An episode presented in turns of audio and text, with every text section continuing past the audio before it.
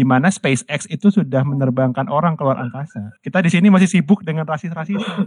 Cing. Karena lu orang Bali, lu cuma boleh ngomong maksimal 5 menit Yo, kumulatif. Gue tinggal tidur. Gue bangun udah ada email dari perusahaan tersebut. Langsung bilang ditolak anjing.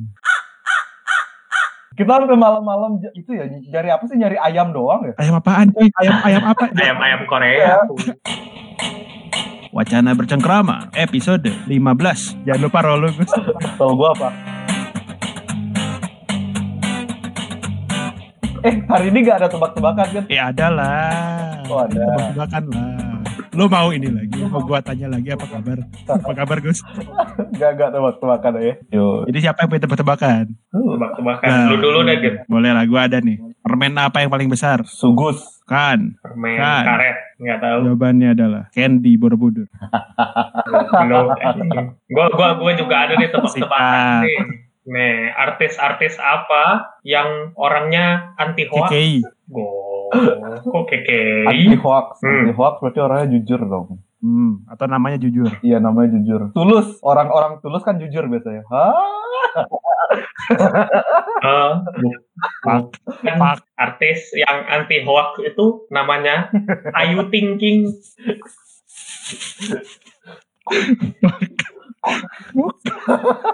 Kalau lu kagak mikir lu kemakan hoax. mesti ting-ting ya.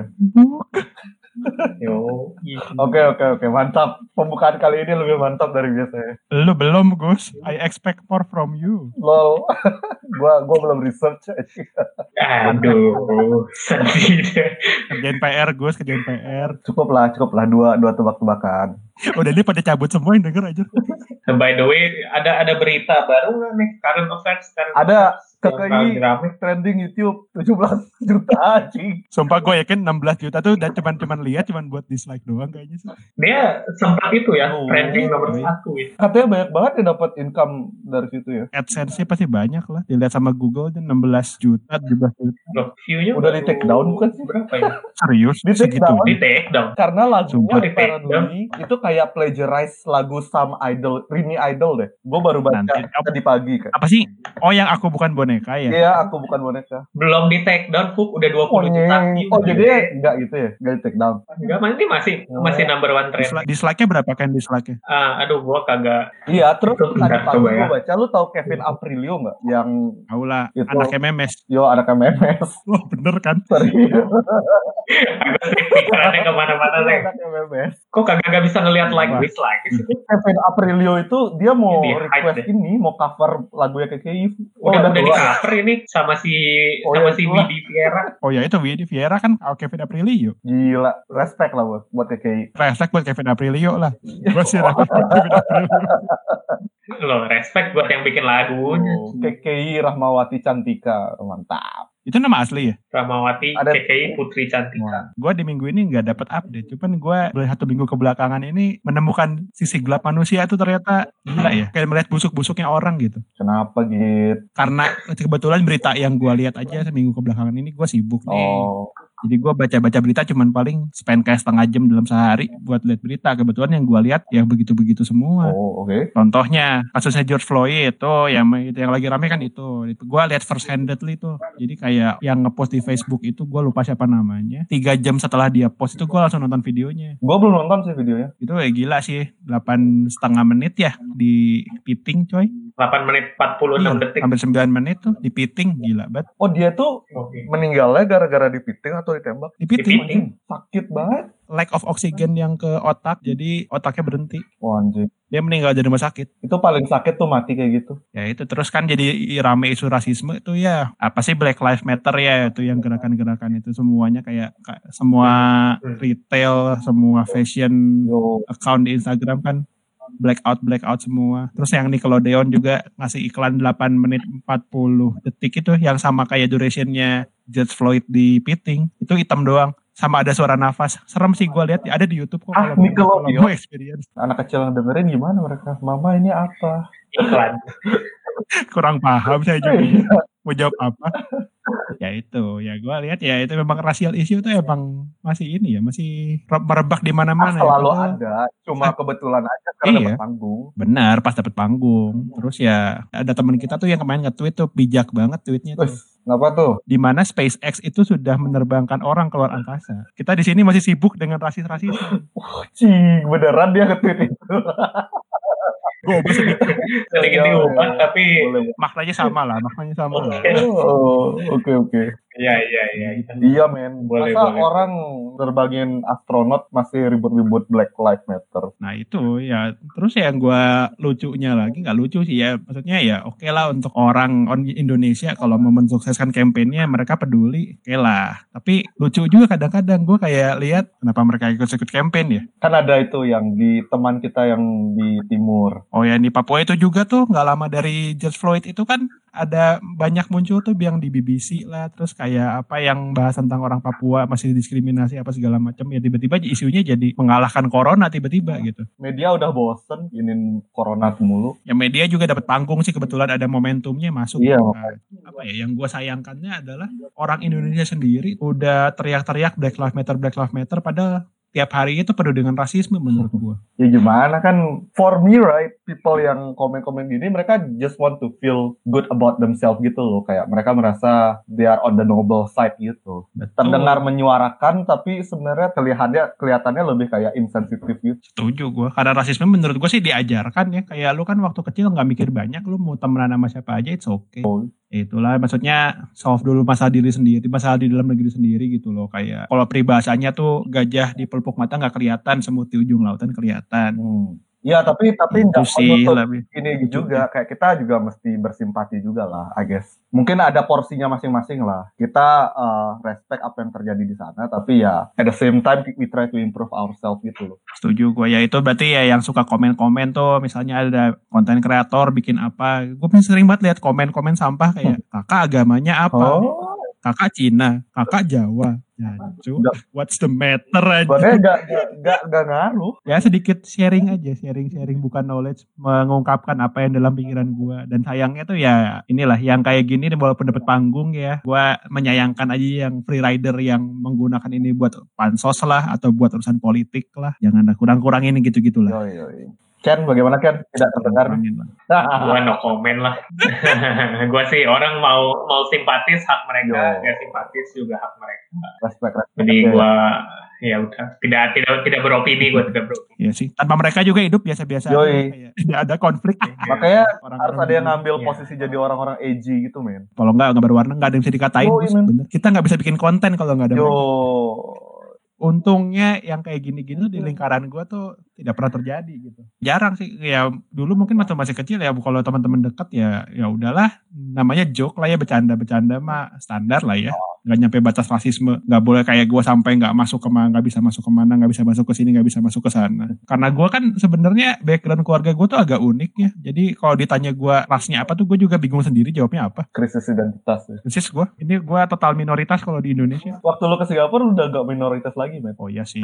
Ya itu untungnya lingkungan gua, teman-teman gua bisa menerima gua apa adanya dan juga tempat tempat kerja gua juga tuh menerapkan proses bukan proses, pola pikirnya sangat bagus. Culture sangat bagus bener. Namanya diversity and inclusion. Waduh. Tempat kerja lu mantep banget. Itu harusnya tiap tempat kerja harus begitulah. kerjaan-kerjaan gini kan itu universal semua bisa Betul. Meritokrasi lah. maksudnya semua bisa menikmati Hmm. gitu kan Setuju. Nggak ada nggak ada pasalnya karena misalnya karena lu orang Sulawesi, lu tidak bisa naik pangkat, paling banter cuma jadi eksekutif. Nggak ada begituan. Nggak ada, nggak ada, nggak ada, Gila. nggak ada.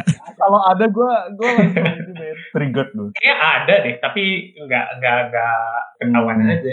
Company-company kayak gitu. Oke lah, Oke, kalau gua sekedar sharing aja, teman gua cerita, ini dari Malaysia ya. Kalau Malaysia kalian dengerin ininya sih bener-bener ini banget sih apa em, problem kayak bukan problem ya kayak mungkin emang gitu aja peraturannya. Jadi pribumi di sana kan kayak sangat diistimewakan banget tuh. Jadi kalau company itu mesti punya orang pribumi asli gitu untuk untuk bisa dibilang legit gitu loh. Ya semacam gitulah kayak di tempat-tempat kerja itu kadang-kadang ras juga play a part in some places I guess. Untung di podcast ini enggak Gus. Misalnya karena lu orang Bali, lu cuma boleh ngomong maksimal 5 menit Yo, kumulatif. gua- kalau ada aturan itu gue udah dipecat dari dulu, gue paling banyak baca. Di podcast ini kagak ada Oh. minoritas mayoritas. Nggak ada. Kita semua Kita semua Kita semua sama.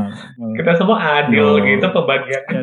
Nah, itu kan tadi di Malaysia, Nah. Gus. Nah, kalau di Singapura tuh gimana? Nggak ada begitu-begituan. Padahal kan Singapura juga lumayan kan. Maksudnya terdiri dari berbagai macam ras nggak sih? Kalau di orang di Singapura tuh macam-macam kan. Dari mana-mana ada nggak sih? Hmm, industri gua sih lumayan sih. Banyak prejudisnya. Kumar. Yoi, di industri gua tuh udah udah prejudisnya udah kental banget. Kayak udah ada setiap role-nya udah ada gitu. I'm just stating the facts ya, or what I observe lah. Di Singapura itu di apa construction industry gitu, tiap race itu ada prejudis bahwa mereka bakal melakukan pekerjaan yang sesuai dengan karakter rasnya, I guess. Karakter rasnya kayak gimana tuh Gus? Eh tapi sebentar, sebelum kita masuk lebih dalam ke sana ya. Coba di background dulu dong Gus. Lu sebenarnya current job tuh ngerjain apa Hmm. gitu.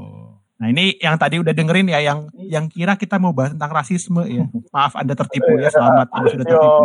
Iya, ada terjebak. ternyata Yo. mau ngomongin kerjaan. gua gua kerja as a consultant di structural engineering industry. Ini lebih related to construction work sih. Jadi di di industri gue itu ya paling the main players yaitu consultant sama contractor, right? Oke, dan lu konsultannya gitu Iya. kan. Jadi lu yang menentukan kan. oh, ini pakai bahan apa nih? Ini kalau mau bikin gedung nih. Yoi. Ya, Yang kayak Gus, Gus. Gue mau bikin bata dari kaca, Gus. Masuk akal nggak? kita mah udah kagak waro ya begini. Don't waste our time. Yoi man, itu salah satu karakter apa ya?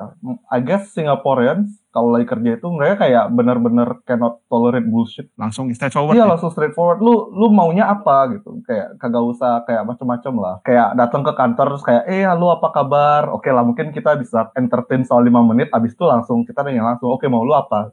We have other things to do. Biar busy. Kalau gue mau nyapa doang karena gue ramah, masa nggak boleh? Boleh. Makanya kita kasih kuota 5 menit. Anjir, siap. Siap. Nah, kalau Kenny, lu Apa lu pertanyaannya? gimana? Kalau di tempat lu gimana, Ken? Kan sama-sama di Singapura nih, tapi kan beda industri.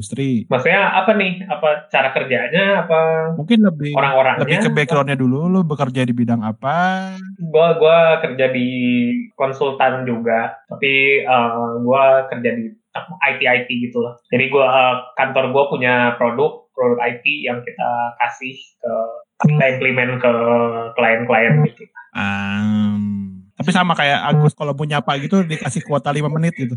Oh enggak, kantor gua orangnya ramah-ramah tuh, lebih ramah dari kantor aja. kantor gua soalnya nggak tahu ya, kita bos gua sih at least berusaha untuk jadi kantor yang lumayan milenial ya. Nah, Jadi maksudnya flexible working hours-nya uh, lumayan fleksibel. Fleksibel maksudnya dari jam 9 bisa sampai jam 7, jam 8 selalu. Tapi nggak boleh kurang dari jam 6. sama aja berarti. Sama kayak fleksibel. lu datang harus jam 9, lu fleksibel pulangnya mau kapan aja. Mau jam 9, 10, 11 malam, mah fleksibel banget. Kantor gua. Tapi nggak boleh lebih early dari jam 6. Kalau setelah jam 6, lu mau pulang jam berapa? Ah, Fleksibel Oh. mantap. Mantap. Ya, kantor-kantor gue tuh orang boleh duduk di mana aja. Maksudnya lu mau turun ke bawah ke Starbucks, kerja di Starbucks juga boleh. Oh. Mantap, mantap. Hmm, dan kita kan kerjanya kan kerja IT kan, jadi maksudnya cuma perlu, maksudnya semua bisa dikerjain lewat internet. Gitu. Internet ya Dan kayak meeting juga kan sekarang bisa zoom kan. betul betul. Jadi yang cuma perlu internet, Jadi- laptop, yang penting ada internet, laptop orang, udah cukup kali ya. Gitu, jadi lumayan fleksibel lah. Dan apalagi kolik-kolik gue banyak yang orang Indo gitu. Jadi kita kayak kalau misalnya lagi bosan kerja gitu, ya, tiba-tiba ke pantry ngobrol sejam dua jam gitu ngopi. Bos gue biasanya kalau kalau misalnya lewat kayak say hi terus ngobrol-ngobrol bentar, terus kayak cabut lagi. Mirip-mirip sama tempat gue berarti. Be honest, gue di Indonesia nih kerja sekarang. Tapi perusahaan gue itu multinational company, parent parent company itu multinational company. Jadi mungkin culture-nya dibawa juga dari tempatnya dia berasal di Europe. Yang base di Indonesia ini asalnya adalah perusahaan keluarga, tapi berkembang jadi tinggi, jadi banyak, jadi jadi banyak, jadi besar.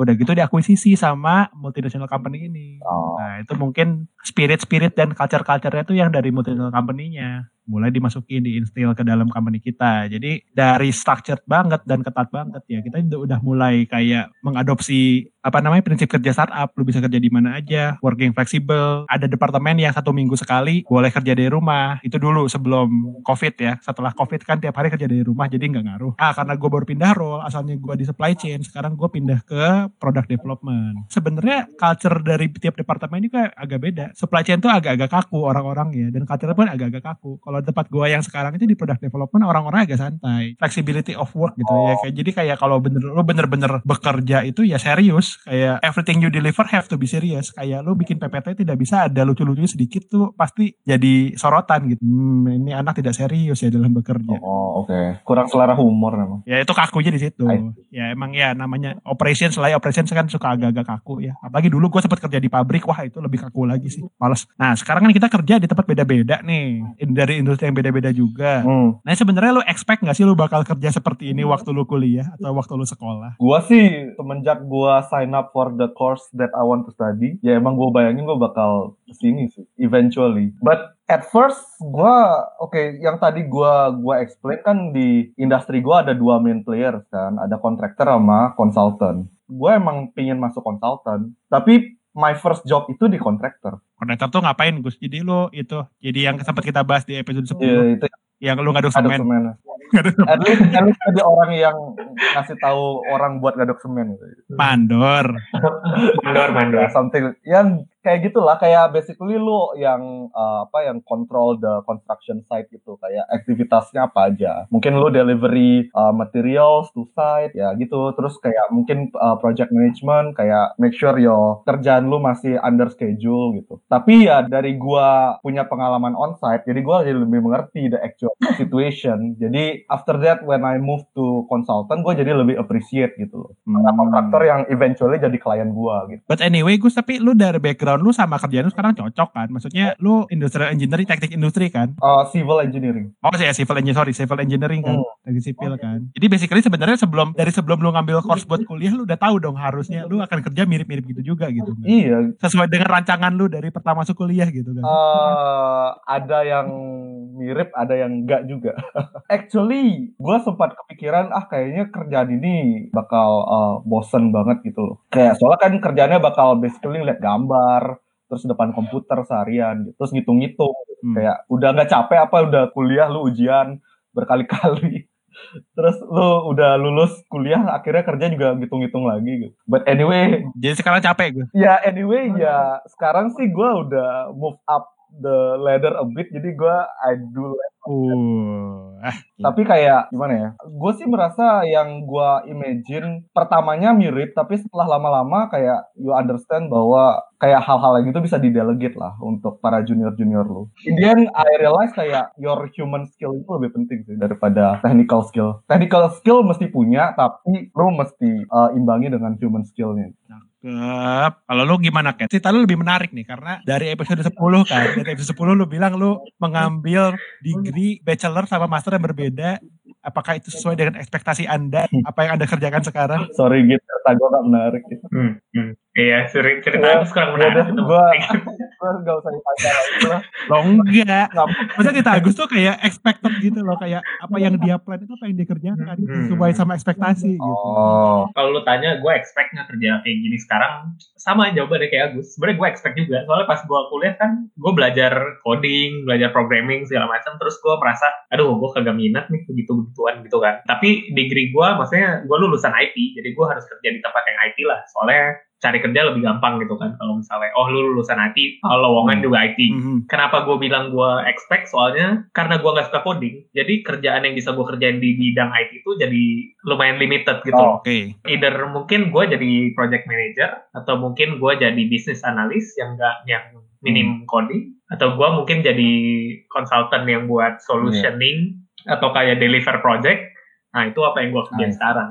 Yang bikin menurut gue gue lebih expect lagi soalnya pas gue ambil master di bisnis itu gue lebih belajar ke proses apa bisnis proses sama project management ya Hmm, hmm. di bidang bisnis ya. Itu menurut gue lumayan lumayan membantu sih. Kayak sekarang kerjaan gue oke lah ada ada ada technical technical IT-nya ada, tapi kebanyakan sih gue manage Hmm. orang, manage klien, uh, requirement gathering, analisa, terus kayak kasih solusi gitu. Itu lebih ke bisnis sih. Jadi IT baseline-nya aja, lu ngerti lu ngerti IT itu kayak gimana, terus gimana IT ini bisa membantu mereka. Sisanya pakai otak bisnis gitu loh. Wadah, jadi basically degree lu kepake, jadi bachelor lu kepake, master lu kepake, dan sekarang kerjaan lu adalah kombinasi dari keduanya. Yo, Iya. kebetulan juga sih ini ini kerjaan. Kalau gua ngerjain yang kemarin-kemarin sih kayaknya nggak nggak kemarin-kemarin gimana kan yang kemarin-kemarin tuh oh, kerjaan pertama gua yang kepake cuma Hmm, bisnisnya doang. Yang kita sampai galau-galau beli Kerjaan. itu ya, beli makanan jauh-jauh ya. Oh, iya. Kita sampai malam-malam itu ya nyari apa sih nyari ayam doang ya? Ayam apaan coy? Ayam ayam apa? Malam-malam nyari ayam tuh Ayam ayam ayam Korea. agak salah gitu. Coba diklarifikasi gitu. Ayam ayam goreng, ayam goreng. Ayam goreng. Saya dia lagi galau sama kerjaannya waktu itu. Jadi gue temenin. Tidak tidak ada Yo. tidak ada ayam-ayam lain. Sama Itu tuh starter packnya tepat gitu. Galau malam-malam cari ayam. ayam. Lumayan, lumayan, lumayan. Lumayan goreng. ambigu memang. Ayam Korea lagi. Oh iya ayam Korea. Oh. ayam goreng goreng. Ayam Korea. Kerjaan-kerjaan gue yang lama ya gitu. Either cuma fokus ke IT-nya doang yang gue gak suka atau cuma fokus ke bisnisnya doang. Jadi gue merasa gue kuliah 4 tahun gak guna. Akhirnya sekarang lah Hmm. lumayan balance. Jadi berguna lah sesi ayam malam-malam itu. Kalau lu gimana gitu? Lu kan bisnis. Bisnis kan maksudnya banyak pilihan kan. Terus lu gimana gimana expect sama Hmm. kerjaan sekarang gitu? Ada, gue sebenarnya tidak expect gue mengerjakan beginian sih sebenarnya. Gue tuh dari dulu dari dari SMA dari dari gue JC jadi jadi dari gue junior college tuh gue udah salah langkah sebenarnya menurut gue. Kenapa? Gue tuh anaknya IPS banget, gue ada anaknya tuh arts banget, tapi gue science Hah? Lu science? What the fuck? tuh kan. Nah, Yo, kita dua tahun ada di asrama yang sama main bersama, lu baru tahu sekarang gue ambil science tuh JC. Astagfirullah. Astagfirullah. Gue kira lu anak arts anjir kayak ngambil econ, ngambil job. What the fuck? Agak kombinasi gue tuh physics, chemistry, mathematics, econ H1 coy. What the fuck? Gue cuma tahu lu ngambil chemistry aja satu terus kayak sangat fokus. Oke, terus kan lu anaknya arts banget nih. Dari SMA udah salah langkah tuh, gue ngambil science. Science. Oke, sip. Diakhiri dengan yang tidak baik-baik ya. Level gue hancur, gue balik ke Indonesia. Saking galaunya gue mau ngambil apa? Akhirnya gue ngambil jalan tengah, manajemen bisnis. Dan di bisnis sebenarnya major gue adalah finance. gila boring boring boring sekali Nah, Van. gue major gue finance. Setelah lulus, gue tidak mau mencari kerjaan yang berbau finance karena gue tidak suka. Jadi kuliah itu menyadarkan apa yang lu nggak suka lah. Gue pekerjaan sampingan gue waktu kuliah adalah guru les anak SD nah, dan manajer salon. Tidak ada hubungannya dengan finance ya. Manajer salon emang gak perlu pakai Ya, finance gitu. pakai semua sih cuman kan nggak pakai finance nggak bukan yang aset lah bukan yang lu akuisisi Oh. return of investment yang mungkin kepake tapi nggak terlalu kepake kan gua finance lebih ngitung doang ngitung kasir pendapatan berapa buat gaji karyawan berapa ya itu mah itu nggak perlu maksudnya lu nggak perlu kuliah major science gitu eh ma- major science perlu kuliah major finance anak akun juga bisa kerjain itu mah Tapi the best investment itu adalah your clients dong. kenapa klien gua Lu lu mesti jaga ini kan, jaga apa relation sama klien lu. Relationship management yang which is nggak diajarin waktu gua kuliah Yoi. Sebenarnya kuliah guna guys. Nah, udah dibahas di episode 10 ya, jadi dibahas di sini. Tongkrongin tuh. Ngomongin, baik lagi episode 10, dengerin lagi kalau yang belum denger ya. Oke, ngomongin sampai situ, terus gue mau lanjut cerita gue, ini masih ada kelanjutannya. Nah, setelah gue major finance, gue tuh bekerja, pekerjaan pertama gue adalah di pabrik. Jadi, tim leader, buruh pabrik. Nyuruh aduk semen. Enggak, gajer, kerjain mesin coy. Nah, dari pabrik, gue kalau masuk ke supply chain, ya relate dikit lah. Sekarang gue manage project, ya lumayan lah sekarang. Ya, sebenarnya tapi gue tidak expect gue akan nyampe sini. Gitu. Ekspektasi lu apa gitu emang? ekspektasi gue adalah ya dari dari apa namanya dari pertama gue salah langkah itu gue anak IPS yang nyasar ke IPA ya mungkin kerjaan gue mungkin nantinya gue mikir akan lebih relate ke something technical yang fisik-fisikan kali ya atau mungkin apa kayak gitu. Pokoknya ya nggak nggak ke sini lah gue nggak nyangka nyampe sini lah Tapi sekarang lu happy nggak what what you're doing right now? di role yang gue sekarang yang baru sih gue happy Mantap. sekarang gue cocok dengan culture-nya cocok dengan kerjaannya Kan yang paling penting itu men. tuh Selamat, selamat. yang meter pos itu. Terus, terus Ken, kalau menurut lo apa namanya ya? Culture kerja sekarang. Nah, kita bertiga kerja 9 to 5 kan basically, office work kan. Oh gua gua fleksibel kayak gini. Kan Ya, bisa 9 to 8, 9 to 10. Fleksibel. basically office work 8 jam toh. Yoi, yoi. Yoi, Nah, ini yang lu harusnya. yang lu rasa beda sama kuliah apa sih? Bedanya tuh dari apa namanya yang yang lu kerjain sekarang, office office life, office work Mhm. 8 jam itu 8 hours, 8 hours in the office. Mhm. Sama lu waktu sekolah, waktu kuliah, bedanya tuh apa sih? Dan enak yang mana? Oh maksudnya kehidupannya gitu. Mungkin dari sisi kehidupannya, mungkin dari sisi lu kesibukannya. Rutinitas kehidupannya lah. Siapa dulu nih? Kenny. Atau mau gua dulu nggak apa-apa. Iya Ya, lu sebenarnya dulu udah lama nih gede yang nggak mulai dulu. Kalau gue sih yang lebih kerasa apa ya? Gue lebih terkungkung dengan working life sih. Terkungkung udah lama banget gue nggak dengar kata itu anjing. To be honest, gue tidak bisa melepaskan pekerja eh, pekerjaan gue. Gue tidak bisa melepaskan pikiran gue dari yang namanya kerjaan. Anywhere, anything you do, lagi ngapain pun, lu pasti ada walaupun sedikit tuh pasti kepikiran ada kerjaan gitu yang belum kelar atau misalnya itu nanti gimana gue beresin ya kerjaan yang ini ya. Even lu pacaran aja gue Hmm. sama cewek gue tuh pasti ngomongin kerjaan. Ada lah kayak dari sesi gue pacaran misalnya satu minggu 8 jam ada sejam ngomongin kerjaan. The fuck? Sekolah tuh gue jarang banget misalnya gue keluar ya kalau udah nggak kuliah udah nggak sekolah gue nggak akan pernah ngomongin tugas kuliah atau tugas sekolah. Gue ngomongin sekolah atau kuliah paling gue gibahin anak-anak sekolah atau anak kuliah teman-teman gitu yang aneh-aneh. Pernah gue bahas eh tugas itu gimana? Tugas tugas akuntansi gimana ya kerjainnya ya? Gue yang ada digebok gue deh keluar dari pergaulan aja Dan juga kalau misalnya lu apa untuk kuliah lu nggak dibayar untuk ngerjain tugas, buat. Waduh. Iya. Lu yang bayar. ya udah gue bayar di tugas Iya, makanya terserah lu lah mau mikirin apa. Orang gue yang bayar. itu mungkin bedanya itu kali ya kayak working ya. maksudnya in terms of kehidupan gue sehari-hari cuman ya sekarang enaknya ya di, lu digaji punya duit jadi lu mau ngapa-ngapain sekarang ya bebas mau beli apa terserah Iya, tapi kebebasan lu hilang. Anjing karena lu udah komen gue selanjut Wah, terasa banget sih gue gua relate. Waktu kuliah itu sangat bebas tapi nggak punya duit, tapi waktu kerja punya duit tapi nggak bebas. kan yang gue omongin waktu episode 10 ya Something like that, I guess. Ya emang kalau waktu kuliah sih gue gue santai banget sih kuliah. Gue gue cuma gue gue sih orangnya paling efektif tuh last minute. Abis nah di kerjaan lu bisa kayak gitu nggak Actually, lah gue kerja berapa lama, I find a way how to procrastinate effectively. oh, mantap sekali Agus tolong di share mungkin tips-tipsnya Ya mungkin tergantung ke tipe setiap orang ya. Gue tuh kalau gue bisa bikin deadline-nya itu secepat mungkin, itu gue bakal lebih cepat ngerjainnya gitu loh. Jadi mungkin you are expected to submit this report by end of the week. Lu bilang aja kayak sebenarnya lu mesti submit Wednesday gitu. Tapi lu delay aja sampai Wednesday, baru lu kerjain. hmm ya sama sama gue juga sih Iya, jadi lebih cepat aja langsung ngerjainnya. Dan karena lu udah trik untuk deadline-nya shorter, jadi you have got things done already gitu loh. Jadi by the time lu mesti submit, at least lu udah punya bahan lah. Ya, itu tips and trick. beda dikit sama lu tapi gue titip ente kerja juga sih. Kalau gue tuh kan orangnya males ya. Jadi gue tuh ya dari tiap pekerjaan yang gue kerjain gue bakal find the simplest way to solve that problem. Boleh. ya mungkin kadang-kadang orang nggak setuju gitu tapi anyway bos gue maunya result. Ya kalau emang apa bos lu result oriented, I guess itu lebih efektif sih. Eh, dan kadang-kadang kan deadline yang dikasih juga nggak masuk akal ya. Gue gue kan anak karena gue orangnya malas ya gue malas pikir panjang apa segala macam ya sudah. Selama itu masih comply dengan rule perusahaan etika ya gue akan melakukan itu sesimpel mungkin. Ya that's a smart way to work sih. Mungkin gua style gua nggak kayak gitu sih. Kalau gua udah mulai ngerjain something sih, gua merasa inilah, gue pingin ada pride yang ngerjain kerjaan gua gitu. Jadi kayak kadang-kadang jadi terkesan overthinking dan kadang-kadang kolik gua juga suka komplain gitu. Lu kok mikirnya banyak banget sih gitu. kalau gue mau kerja bareng kayaknya gue yang komplain sih Iya iya iya. I, I can imagine that. Ya tapi emang itu karakter gua gitu. Ya emang emang tergantung karakter masing-masing gitu. Dan I guess ya itu yang bikin lu merasa itu comfortable style lu waktu working ya I guess lu you should stick to that I guess. setuju gue Iya. Pokoknya summarize waktu kuliah gua males, waktu kerja lebih sedikit tidak males gitu aja. Nah, karena dibayar Yo karena dibayar. cakep emang emang motivasi kita semua sama mungkin uang Dasar manusia kapitalis.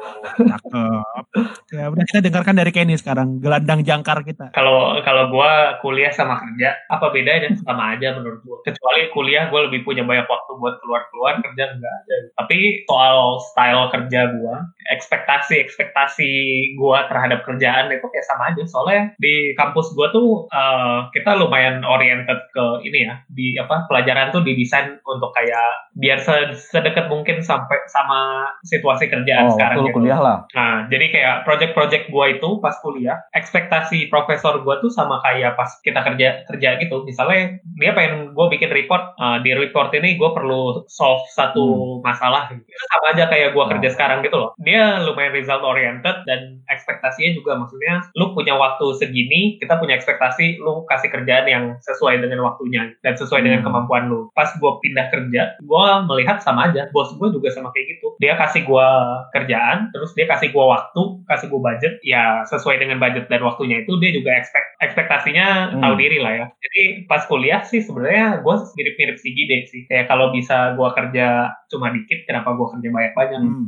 Untungnya pas kerja sama juga karena tugas gua kan uh, klien gua punya masalah, gua harus ngebenerin masalahnya. Nah jadi kalau gua punya bisa kasih solusi yang gua nggak perlu kerja banyak tapi solusinya bisa dipakai klien, ya udah ngapain gua kerja banyak-banyak. Jadi kagak ada beda ya kalau gua kuliah sama kerja. Hmm. Tahu kayak gitu emang cocok sama yang kayak business related gitu nggak sih? Kayak gue perhatiin selalu orang engineering itu selalu overwork, tapi orang-orang yang kerja di daerah bisnis itu kayak selalu find a way how to work less and produce more gitu. I guess emang industrinya nggak sih? Kalau engineer tuh ada Iya. benar salah. Maksudnya kayak lu kan ada ada nomor yang salah, ada Hmm. nomor yang benar. Kalau bisnis itu lebih ke Iya. relatif mungkin ya. Setuju gua, Mungkin bener. kita kasih solusi, nggak mungkin ada solusi yang bisa memuaskan Hmm. semua pihak gitu loh. Jadi kita give and take lah, mana yang mau lu prioritaskan dan lu kerjain apa yang lu bisa Hmm. aja gitu. Natur industrinya mungkin ya. Kalau mungkin engineering kan ada something absolute kan. Kayak absolut nggak bisa sama absolut bisa. Tapi kalau bisnis kan misalnya green, eh green, Gray. gray area. Hmm, gray area. Pilih kerja sesuai dengan karakter masing-masing. Nah kalau bisa sih bener sesuai dengan karakter masing-masing. Mungkin gue lebih cocok kerja di pabrik, I guess. Terus Oke, Sekarang lu bikin pabrik Gus. Gimana Gus? weh, weh, tentu saja.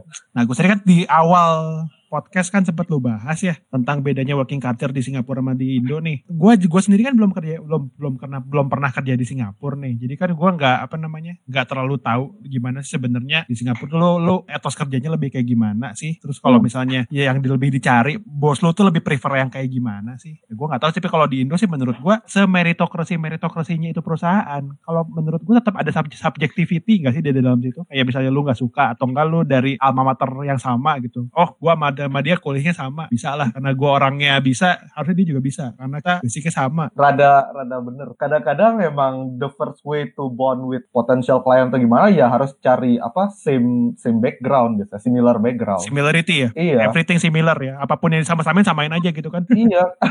Kadang-kadang kayak, eh oh, lu kuliah lulusan mana? NUS. Oh, gue juga anak NUS, be. Itu project udah jalan gampang. Udah 50% selesai itu deh. Karena emang gara-gara same background, jadi lebih gampang untuk gitu loh. Karena mereka merasa Hmm. kita itu cara pikirnya mirip gitu, I guess. Tapi kayaknya menurut gue sih tergantung Ya. industri ya sih. Industri gue nggak nggak nggak segitunya sih. Soalnya satu klien gue juga biasanya ngerjain, maksudnya kerjaan gue tuh kerjain kerjain kerjaan luar negeri gitu. Jadi klien gue tuh ada orang yang dari perusahaan Jepang, perusahaan Australia gitu. Jadi kayak company gue sih nggak gitu peduli ya. Lu uh, saya orang-orang mana, kuliahnya di mana, backgroundnya apa, bahkan banyak juga kolega-kolega gue yang backgroundnya malah bukan Hmm. IT gitu. Jadi kayak lumayan lumayan inklusif sih industri gue dan kantor gue. Tapi kalau di Indo gitu, since gue juga gak pernah Benar, kerja di Indo. lu kan gak pernah kerja di Indo nih. Masa sih segitunya? Maksudnya kayak kalau misalnya lu lagi nyari Hmm. kerja gitu, atau lu mau mau cari promosi gitu. Kalau misalnya bos lu se apa satu satu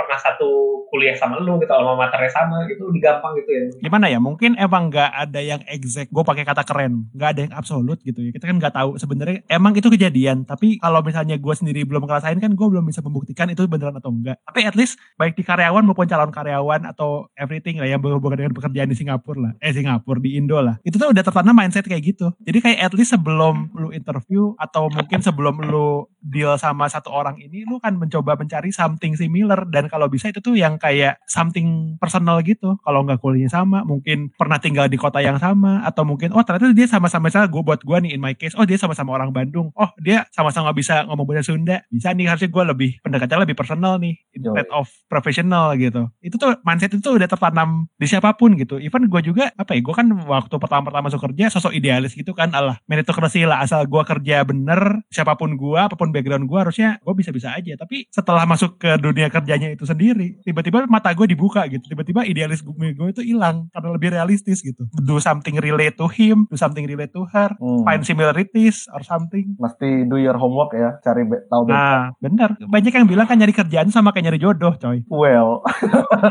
susah gampang gitu. Approval interview ya sama-sama aja gitu. Saya lu mesti do your homework research. Lu kan kalau misalnya PDKT kan research dulu ceweknya kayak gimana nih sukanya apa similarity-nya apa biar bisa diajak ngobrol nih biar bisa nyambung terus kalau ngobrol. Sama kerja juga sama. Itu mungkin salah satu faktor juga yang bisa bikin gua waktu itu gua di pabrik gitu. Padahal major gua finance ya gua sambung-sambungin ini waktu gue interview gitu. Oh iya mungkin dengan kemampuan saya di finance saya bisa membeli perspektif lain di dunia operations ya. Gue emang gak fokusnya ke finance tapi gue bisa memberikan perspektif lain di bidang finance. Mungkin kita bisa lebih akurat dalam bikin apalah segala macam the bullshit gue nggak ngerti. Gue bahkan ngomong apa gue lupa anjir. I guess mereka lagi ini kali lagi butuh orang.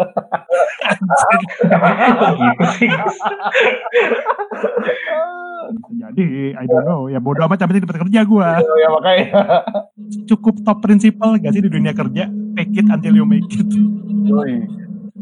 Di dunia kerja itu lu dites sebagaimana ideal idealis lu gitu loh. Gue kira di Singapura tuh lebih kayak bener-bener meritokrasi gitu. Nggak peduli ras lu apa, background lu apa. Kalau lu duel ya lu deserve the promotion or you deserve the job gitu. Itu sama-sama mirip-mirip juga ya. Sebenarnya lumayan lumayan mirip ya, at least in, in my industry. Soalnya mungkin industri gua kayak Hmm. playernya sekitar-sekitar itu aja gitu. Sedikit orang jadi engineer. Kayak zaman sekarang lebih ini gak sih? Maksudnya arah dan arah industrinya pun lebih banyak ke kayak industri kreatif, Hmm, communication. I'm not on the cool side of the industry, I guess. Bodo amat, yang penting banyak duit. Yo, Ah, yo, kan supply less, apa ini increase dong price-nya. Kalau Ya, kalau demand-nya supply-nya banyak. less juga price-nya juga increase. Ya, anyway. mau supply-nya banyak, price-nya turun Gus. Iya, kalau supply-nya dikit ya price-nya naik. Naik kalau demand-nya banyak, kalau demand-nya sedikit juga. Jadi under resource, eh, under resource. Namanya, gue lupa resource-nya tidak kepake lah anjing. Underutilized anjing. Hmm. Underutilized. Masih ingat juga lu econs gitu, katanya lu anak science. Gua anak bisnis anjir. all in all gue kira beda gitu di Singapura karena mindset orang Indo kan pasti anjing kerja di Singapura gajinya gede, susah masuk ke sono. Gak bisa di gue kalau lulusan Indo susah banget gue nyari kerja di Singapura. Mirip aja ya ternyata. Sebenarnya enggak enggak juga sih. Banyak juga loh orang-orang yang uh, lulusan dari Indo terus pergi ke Singapura terus malah jadi ker- dapat kerjaan bagus. Tapi uh, kebanyakan yang kasus-kasus gitu sih lu pernah kerja di Indo dan lu punya kerjaan lu bagus ya gitu di Indo. Kalau misalnya dari kuliah langsung pindah ke Singapura mungkin lumayan susah. Tapi kalau lu udah kerja 2 tahun, 3 tahun lu udah punya pengalaman sih Hmm. gampang-gampang aja. Ah iya gue sekalian nih gue mau sharing nih gue pengalaman gue apply kerja ke Singapura. Gimana tuh? Nah ini background story-nya adalah karena teman-teman gue banyak di Singapura kan. Gue di sini kesepian dan mereka tuh selalu encourage gue, ayo lagi balik lagi ke Singapura lah, kerja di Singapura lah. Termasuk dua berdua berdua ini di berdua bangsat ini nih yang lagi ngomong sama gue sekarang nih. Iya, kalau lu kerja di Singapura, kita podcast kagak pakai kagak Gak pakai anchor ya. Nah, Iya. anchor itu bisa ya rekaman gitu walaupun kita berbeda negara, beda Oh, kota bisa. Makanya download Anchor. gratis lagi. respect. Gila. Placementnya cukup di situ dulu. Nah, gue balik lagi ke pengalaman gue mencari kerja di Singapura sebagai lulusan universitas dari Indo yang sebenarnya nggak jelek-jelek amat gitu. Termasuk one of the best university di Indonesia. Bukannya sombong, tapi itu fakta. Apply kerja di Singapura. Entah gue udah berapa belas company yang gue apply itu ditolak semua. Even CV screening pun kayaknya gue nggak lulus gitu. Lu apply company-company ternama apa Naifnya gimana? gue ya gue pada pilih-pilih yang ternama lah. Oh ya. Ini gue punya satu nih yang ngen, yang ngenes nih, ngenes banget. Dua deh, dua deh. Ini mirip sih. Yang satu yang gak terlalu ngenes dulu deh. Gue pernah apply di salah satu perusahaan e-cigarette terkemuka. Depannya J, belakangnya L. Itu gue apply setelah gue dapet kerjaan. Maksudnya setelah gue bekerja di tempat gue sekarang, ya berarti ada experience 2 tahun lah. Dan mungkin ya gue mikir kayak mirip-mirip lah. Industrinya mirip-mirip gitu. Anyway, gue sekarang kerja di industri tobacco ya. Nah, itu kan e-cigarette mirip-mirip lah harusnya. Dengan experience gue harusnya gue bisa. Dan posisi yang gue apply pun ya ada relationnya sama posisi gue yang dulu gitu. Gue apply lah ke sini. Gue inget gue apply malam subuh. Itu jam berapa? Sekitar jam 1 atau 2 lah. Biasa lagi galau kan, lagi banyak kerjaan gitu. Lembur-lembur anjing kenapa gue ngerjain kayak gini ya nggak penting. Anjing gue gue pengen pindah. Cari-cari lah. Eh nemu. Apply gue. Gue tinggal tidur. Gue bangun udah ada email dari perusahaan tersebut. Langsung bilang ditolak anjing. Straightforward sekali anjir. Tapi itu bukan yang paling ngenes. Ini ada lagi. Gue pernah apply juga di salah satu perusahaan yang sangat ternama di Singapura. Gue yakin 95% yang denger pasti pernah denger atau mungkin pernah naik satu transportasi ternama di Singapura ini. Odong-odong. Harganya mahal tapi premium lah. Tahu lah kurang lebih apa ya. Ya, odong-odong. Gue apply, gue inget sekitar jam 4 sore. Submission tuh gue submit jam 4. Pas 4.15 gue udah dapet email untuk ditolak. Wah, Mereka cepet banget ya. Mungkin itu computer generated aja. Nah, gue tuh diinget di waktu gue apply itu ada field yang nanya, lu Singaporean atau bukan? Lu punya work permit untuk kerja di Singapura atau enggak? Lu PR atau bukan? Nah, itu semua gue tick no. Tick no. Ah. Mungkin. Nah, it's system generated, mereka bacanya no semua langsung ditolak. Hmm, emang sih, soalnya buat eh, kasih visa untuk kerja buat orang asing kan ada limitnya Hmm. juga kan. Dan Singapura tuh kayaknya eh, sekarang fokusnya ingin mendulukan eh, eh, warga negara mereka lah. Jadi kalau lu bukan warga negara mereka lebih susah gitu. Hmm, Ya, emang. apalagi election udah dekat soalnya. Ah, Politik kan, korban iya, iya, politik iya, nih, iya. korban politik Harus- nih. Kan harus harus harus cari nama gitu biar Iya. dipilih lagi. Jadi gue harus masih harus kerja ke Singapura nih. Oh, tentu saja.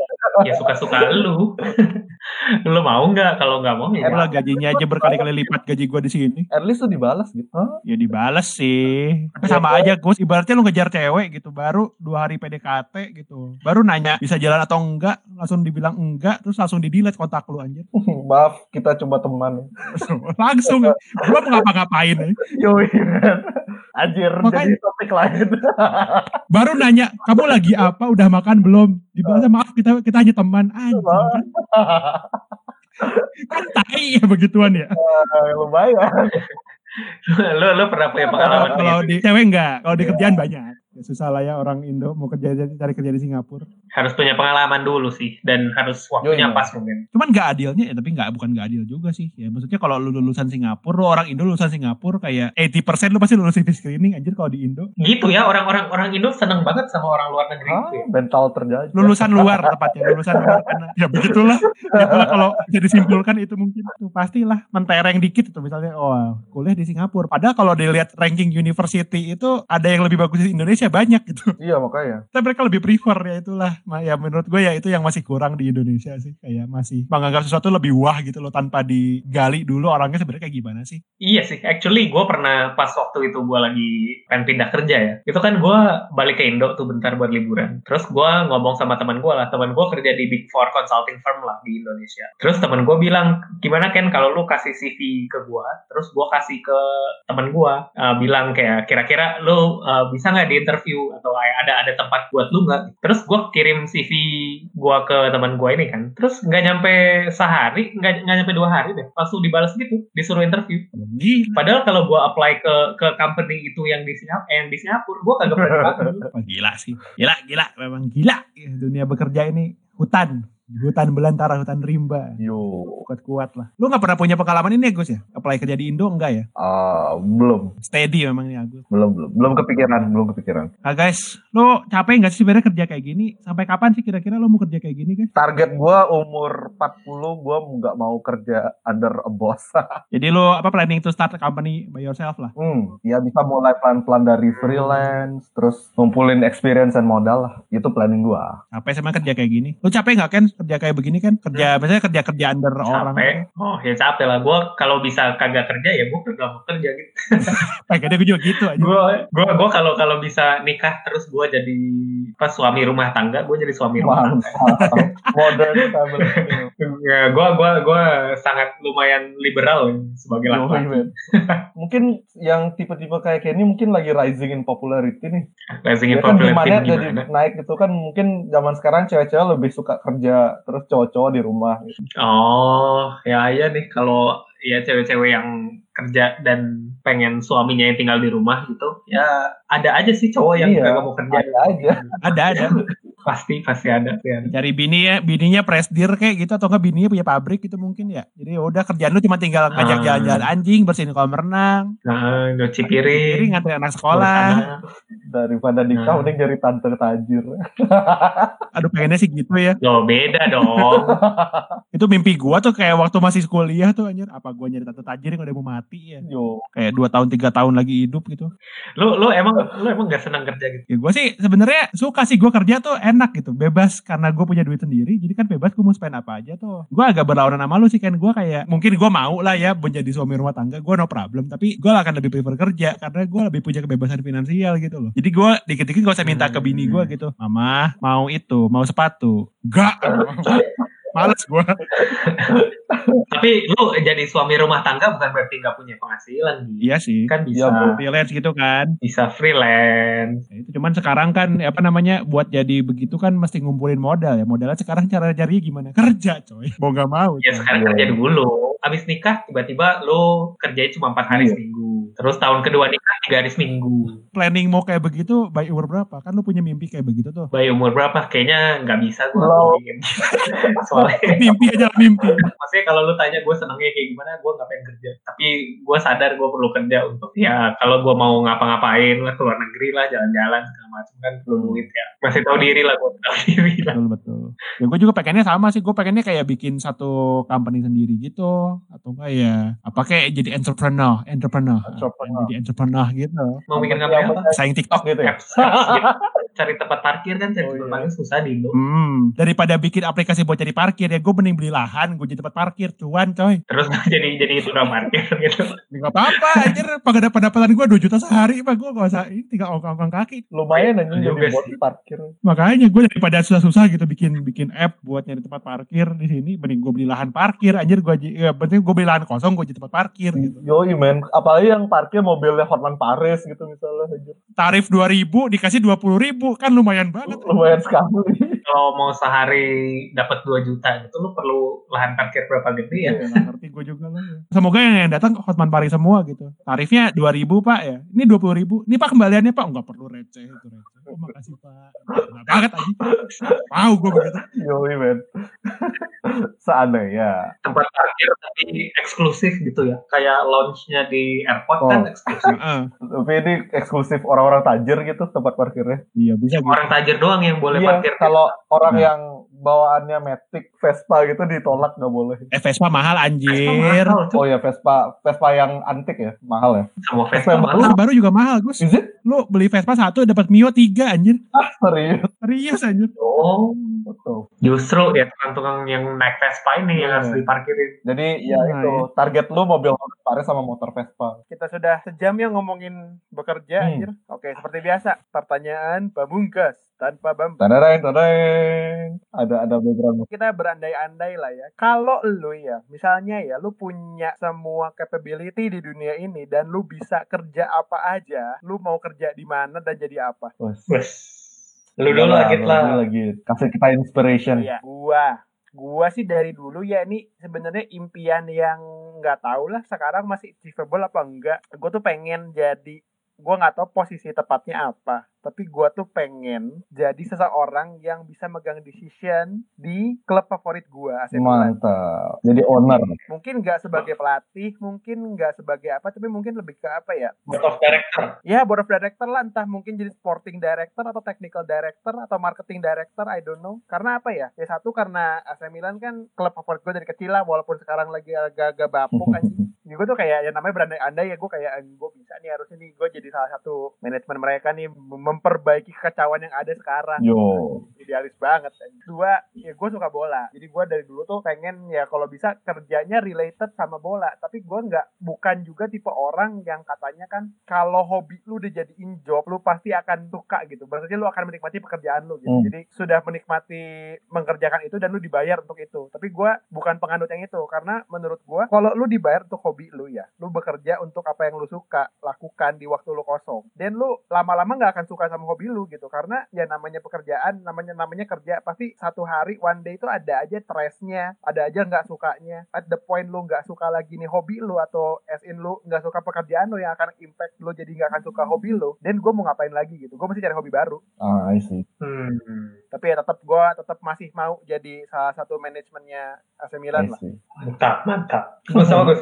Kalau gua nggak punya worry about my financial status ya, kayak I can do whatever I want ya. Hmm. Gua pengen berkebun. Serius, Animal Crossing Animal Crossing. anjir. Hidup itu tiap hari mikirin besok gua mau ngurusin tanaman apa. Simple gitu hidup. Nggak worry terlalu banyak, terus lu in the moment gitu lagi kerja. Ya lu lagi nyiram ya lu nyiram lu, fokus lu nyiram tanaman. Lu nyangkul, lu nyangkul tanah. Ya udah. Menurut gua itu kerjaan ideal sih. Hmm, berarti ini mungkin salah satu alasan kenapa waktu main Harvestman lu kagak lu Kagak nikah lu ya? anjir. Cuma ma macul-macul Iya, doang lu. Gue ya? terlalu terlalu fokus sama kerjaan. Ternyata gue ada passion yang jadi petani. Gila, ternyata passion lu bukan podcast anjir, di berkebun ternyata. Passion gue berkebun aja. Passion is my berkebun anjing. Passion is my Berkebun is my passion, passion is my berkebun. Udah Gus. Ya udah lumayan kan, udah lumayan lucu lah. Oh gitu. Eh tapi anyway Gus kalau gue udah pensiun ya gue pengennya berkebun sih. Ya, emang. Anyway, kayak enak gitu, gak, gak, nggak berkebun doang lah, beternak gitu ada lembu-lembunya gitu kan, ya enak, hijau gitu, asri, Yoi, sama man. Lu. Kayak lu one with the nature, man. Kalau udah pada sukses, terus udah punya kebun, udah punya peternakan, jangan jangan lupa Yo, gua ya. pasti pasti. Gue bakal refer to this podcast sih. Audio diary. Papa pernah Mantap. Cerita pingin jadi berkebun, apa? Tukang kebun. Si anjing gardener anjing. Jadi gardener apa jadi Iya, Juragan lu. katanya gue jadi tukang kebun dari juragan. impian lu mulia anjir di saat seperti ini di saat orang mem- memimpikan pekerjaan-pekerjaan keren ya influencer Hmm. lah hacker lah programmer masih ada yang mau berkebun bagus Itu, itu setelah gue dibutuhkan. lama-lama gitu loh. Pertama dari SD gue pengen jadi presiden, terus turun, turun, turun, turun, sekarang jadi berkebun. itu lu sudah melihat kejadian Ya itu mungkin.